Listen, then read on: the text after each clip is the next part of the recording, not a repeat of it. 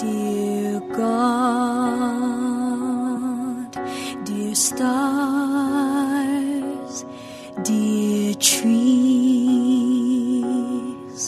dear sky, dear people, dear everything, dear God.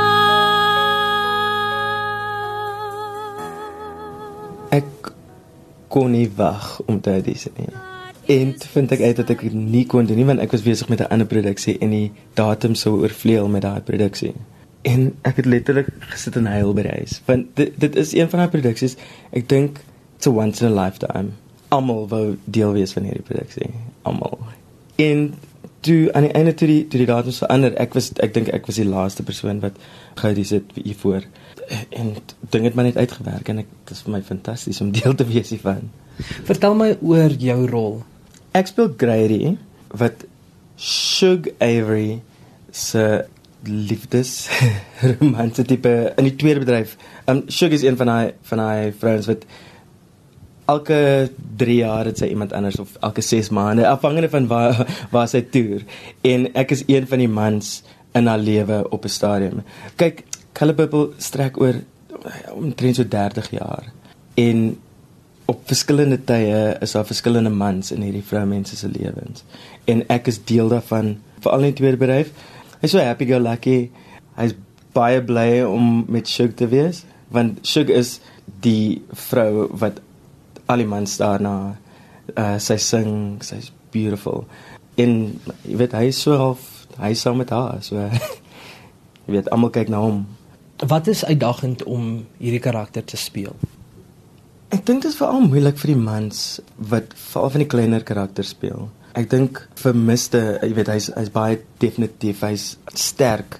Hy slaan sy vrou. Jy weet dis dis moeilik om 'n man te wees in die wêreld van Color Purple. Omdat die vrouens so sulke sterk argetipes is. En iemand soos Mr en Old Mr, dink ek is dis baie keer moeilik om om jou voete te vind as karakter en as as man as jy van die kleiner rolle speel.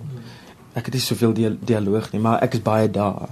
So jy moet seker maak dat die gehoor weet wie daai persoon is en so jy moet 'n sterk karakter hê van die begin af. Veral as jy nie baie sê nie. En ek dink dit was nogal vir my van die moeilikste in hierdie produksie.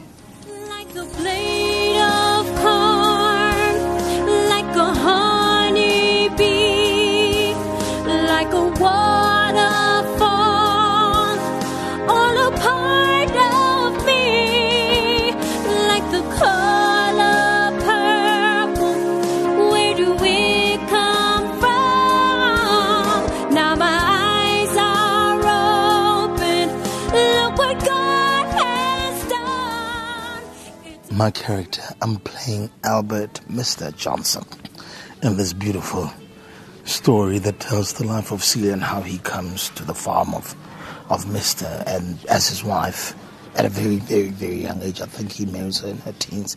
And over the years, you see the 360 she does as an individual and how her resilience and the resilience of her spirit, given everything that she goes through on this farm. Basically, she's brought in to be a maid and uh, occasional se- sex object and to mend his kids. Um, it's, it's an equally an honor and a challenge because the role was made iconic and, and, and very popular by Danny Glover. So, you know, I've got to recreate with my own interpretation his portrayal of Mr. Wanneer jy so 'n karakter vertolk, van waar kry jy daai inspirasie want baie van die goed waardeur hulle gegaan het is nie iets waardeur mense noodwendig in 2018 deurgaan nie. Well, the story is so beautifully written in that, uh, you know, there's universal themes in this particular story. But what's also fascinating is that there's always, I've found that there's always a parallel between the African American narrative and the, the black South African narrative. Those two stories walk a similar path if you look at, if you go back as, as, as far. I mean, our story starts in 1909 And they're just at the turn of the century. There's not a lot of documented South African history, but the experience of apartheid and the experience of, of, of slavery somewhat parallel. Uh, the experience of the civil rights and apartheid somewhat parallel. So it's easy. There's reference points that one can draw from as, as inspiration. But because the book is so well written, this this book that we are doing is, is based on a success of, of production in Broadway. So it's, it's it's there's just so many sources to just draw from. Janice Honeyman is die regisseur van hierdie produksie. Sy is baie bekend vir die pantomimes. Hoe is dit om met haar te werk op so 'n produksie? Well, I've worked with her on, on, on a pantomime before, back in 2006. And now here we are 12 years later, I think.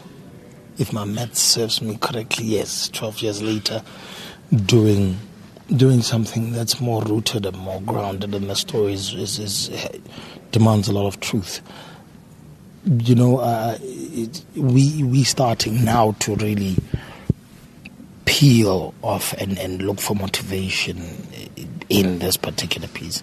But I, I'm enjoying the space she's afforded me as an actor to just do my thing and bring my interpretation of it. If she wants something, she'll let me know. If she wants me to, pull back, she will let me know. So far, I'm, I'm enjoying the space that I'm being given to explore and try things. Some people will direct you by numbers and tell you exactly where to move and when to move. Whereas in this case, I think because of the challenge that we're not doing a replica musical, so we're not doing exactly what was on Broadway, we're recreating and we're restaging the entire thing and finding new meaning and, and interpretation. So, and, you know, and, and, and she's got a mammoth task, and so do we all as, as actors equally with the limited time we have to put on this magnificent story. So you know, she she she comes open with a with a fresh sense of focus, and there's a lot there's there's there's a lot of young performers within the cast. So I find that her well of knowledge is well shared because there are times when she has to teach. You know, some performance basics, when to open up yourself to the audience, when to get back into the scene and engage an actor. Wat is van julle uitdagings en van julle hoogtepunte as akteurs veral om so 'n musiekblyspel op te voer? you have a young cast, so the speed at which you move as a reasonably seasoned and experienced actor is different to them. But then that requires patience because at some point in my career, I was that young.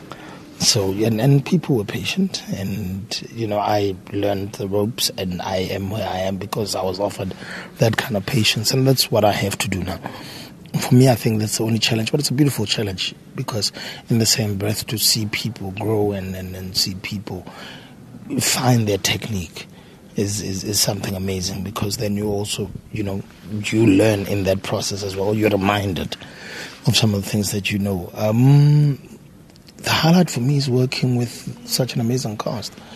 I think just the general sense of ensemble and togetherness is amazing because you need that for that kind of for this kind of piece. You need there's a lot of heart in it, and if there's no generosity of spirit in the preparation process, you can't trust that you'll get it when we are performing. You won't trust that it will flow between us. The voices that we have in this cast, some of the people, some of these people here will sing a Jennifer Hudson out of the water. So it's it's it's amazing to come to work and hear some of the people in this cast sing. So I can't wait while I can't wait for the entire production to be put fully together and, and, and see how you know see how the, our audiences receive it. I know I there have moments that already move me. So we'll see how that works out once we have got bums on seats. I don't think feel